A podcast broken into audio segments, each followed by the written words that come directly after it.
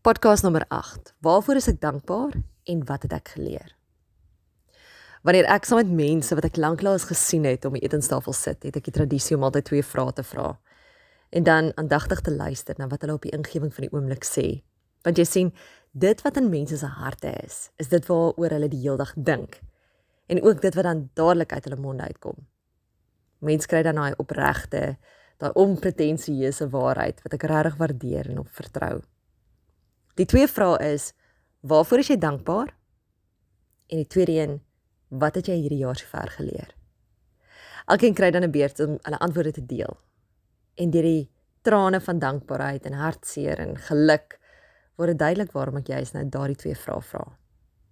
Want een, wanneer 'n mens dankbaar is oor iets, beteken dit dat jy 'n deurbraak ervaar het. Met ander woorde, God was getrou aan sy beloftes teenoor jou.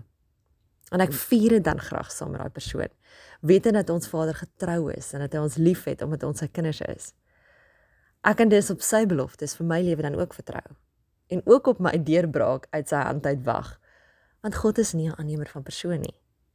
En die tweede ding is wanneer iemand sy leerervaring met 'n mens deel, sluit dit meestal daai seer in 'n moeilike tyd in.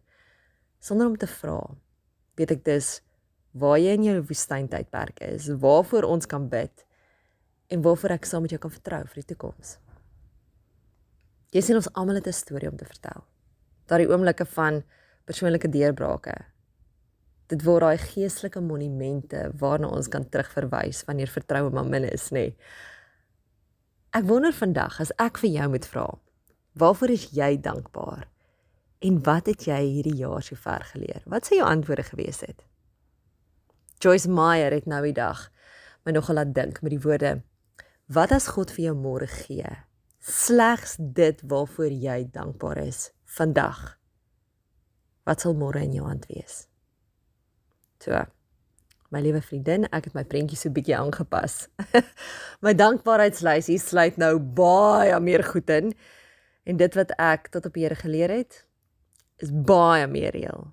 Ek dink jy is omdat ek elke dag bewus is van 'n ander deel van God se karakter. Ek staan so klein 'n bietjie langer stil.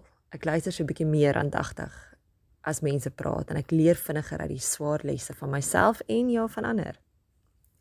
So as jy vandag dink dat jou antwoorde nie 'n verskil gaan maak nie, dan wil ek jy moet weer dink. Want ons lewe in so groot legkaart van 'n kleurvolle prent wat uitgebeeld word. Elke mens het 'n het 'n storie en elke storie speel so 'n groot rol in die finale produk. En sou een persoon besluit om nie sy ervaring te deel of dat dit nie goed genoeg is om vertel te word nie. Sal hierdie legkaarte onvoltooide prent wees. Hierdie podcast reeks saam met Vanessa is vir mense soos ek en jy. Mense wat lief is vir God, mense wat op soek is na God se stem en mense wat na wel nie altyd alles net reg gaan hanteer nie. Wat ek weet nie van jou nie, maar ek is lief vir 'n Vader wat sy kinders se harte ken, wat bereid is om uit sy liefde tweede, derde en selfs vierde kans te gun nog 'n kans. So elke mens wat bereid is om sy of haar storie met ons te deel, wanneer ons mekaar sien, weet vanuit jou storie het ek geleer dat God nie 'n aannemer van persone is nie. As hy vir jou gaan deurkom, sal hy vir my deurkom. En hy is 'n getroue God wat sy woord hou. Maar hy is ook 'n God wat nie net eerste gestel wil word nie. Hy wil alles van ons hê. En dan hm, kan hy ons met sy alles vertrou.